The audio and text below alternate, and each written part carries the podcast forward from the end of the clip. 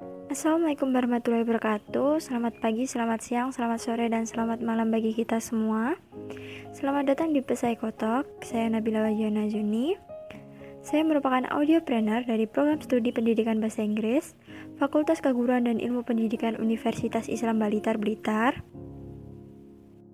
yang merupakan The Entrepreneur University, universitas terbaik di Blitar Raya Oke, hari ini saya akan membahas tentang perbandingan tiga teori, yaitu teori perkembangan kognitif oleh Jen Piaget, teori perkembangan sosiokultural oleh Lev Vygotsky, dan teori perkembangan psikososial oleh Erik Erikson, serta implikasinya terhadap pembelajaran.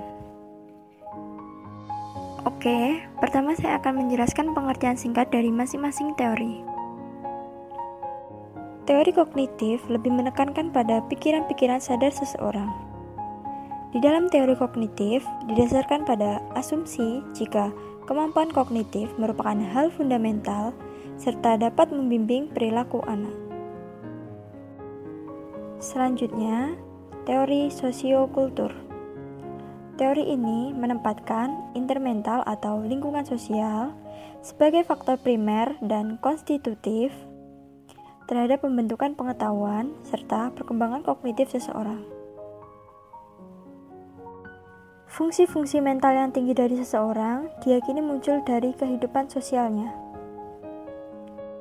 Berbeda dengan teori kognitif dan teori sosiokultur, teori psikososial menjelaskan mengenai hakikat serta perkembangan kepribadian seseorang.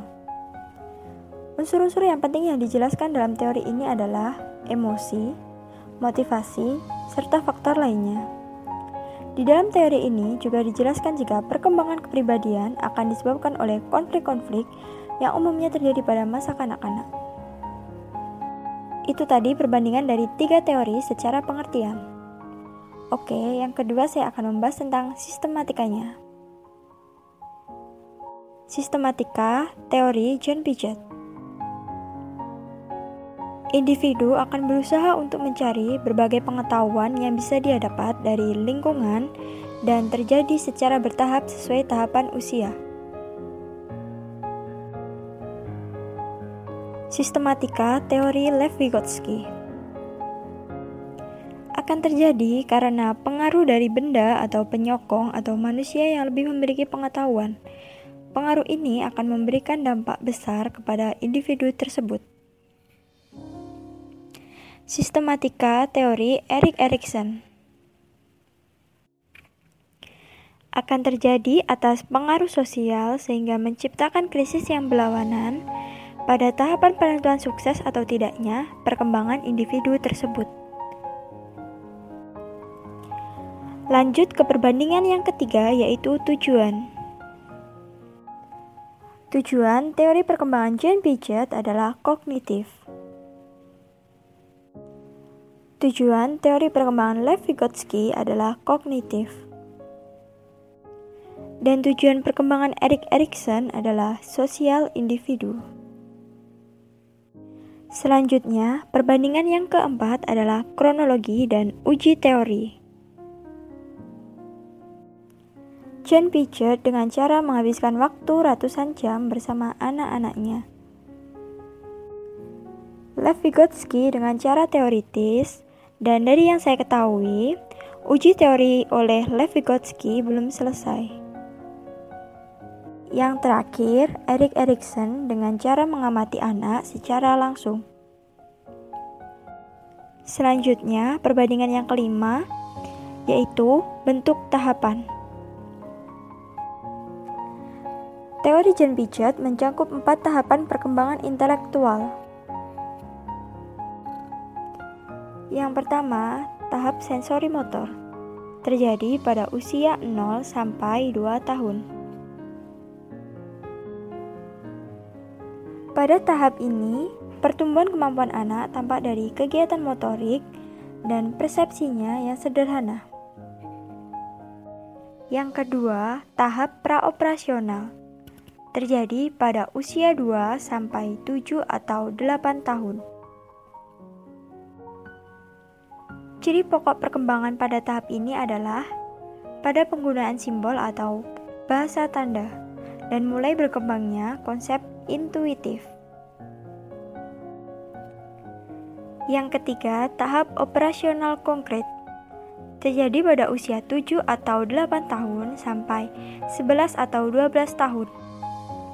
Pada tahapan ini, anak sudah menggunakan aturan yang jelas dan logis. Yang keempat, tahap operasional formal terjadi pada usia 11 atau 12 tahun sampai 18 tahun. Anak-anak mampu berpikir abstrak dan logis dengan menggunakan pola berpikir kemungkinan. Teori Lev Vygotsky tidak ada tahapan karena terpusat pada MKO dan ZPD.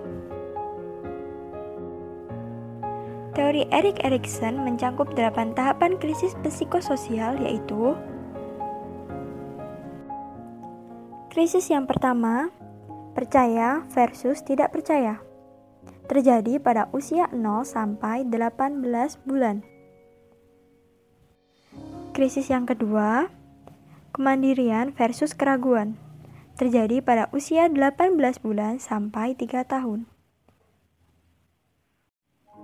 Krisis yang ketiga, inisiatif versus rasa bersalah, terjadi pada usia 3 sampai 6 tahun. Krisis yang keempat, ketekunan versus rasa rendah diri. Terjadi pada usia 6 sampai 12 tahun. Krisis yang kelima, identitas versus kekacauan identitas. Terjadi pada usia 12 sampai 18 tahun. Krisis yang keenam, keintiman versus isolasi kurang lebih pada usia 18 sampai 40 tahun. Krisis yang ketujuh adalah generativitas versus stagnasi. Kurang lebih terjadi pada usia 40 sampai 65 tahun. Krisis yang kedelapan adalah integritas versus keputusasaan. Kurang lebih terjadi pada usia 65 tahun ke atas. Lanjut ke perbandingan yang keenam yaitu sasaran. Teori Jean Piaget sasarannya adalah individu sesuai dengan tahapan. Teori Lev Vygotsky sasarannya adalah individu secara umum dan luas. Teori Erik Erikson sasarannya adalah individu sesuai dengan tahapannya. Yang terakhir yaitu implikasi terhadap pembelajaran. Setiap stimulasi kognitif sesuai dengan tahapan yang dialami oleh siswa. Saat PAUD sampai TK, siswa diajak bermain sambil belajar. Saat SD, siswa diajar belajar dengan menggunakan media visual. Sedangkan saat SMP sampai SMA, siswa diajak belajar menggunakan cara belajar secara abstrak. Stimulasi kognitif yang menggunakan pengaruh orang lain yang lebih tahu dapat dilaksanakan pada semua tahapan, mulai dari PAUD sampai SMA, yaitu seperti dengan belajar berkelompok. Stimulasi psikososial dengan tahapan yang dialami siswa yaitu pada murid PAUD sampai TK akan mengalami krisis tahapan yang ketiga. Implikasi terhadap pembelajaran yang bisa dilakukan adalah seperti dengan pengenalan lingkungan. Pada murid sekolah dasar akan mengalami krisis tahapan yang keempat, Implikasi terhadap pembelajaran yang bisa dilakukan adalah seperti memotivasi siswa yang mendapatkan nilai rendah. Pada murid sekolah menengah pertama sampai sekolah menengah atas akan mengalami krisis tahapan yang kelima. Implikasi terhadap pembelajaran yang bisa dilakukan adalah seperti diskusi intensif tentang isu terbaru. Mungkin hanya itu sedikit pembahasan dari saya. Semoga bermanfaat. Dan sampai jumpa di podcast saya selanjutnya. Wassalamualaikum warahmatullahi wabarakatuh.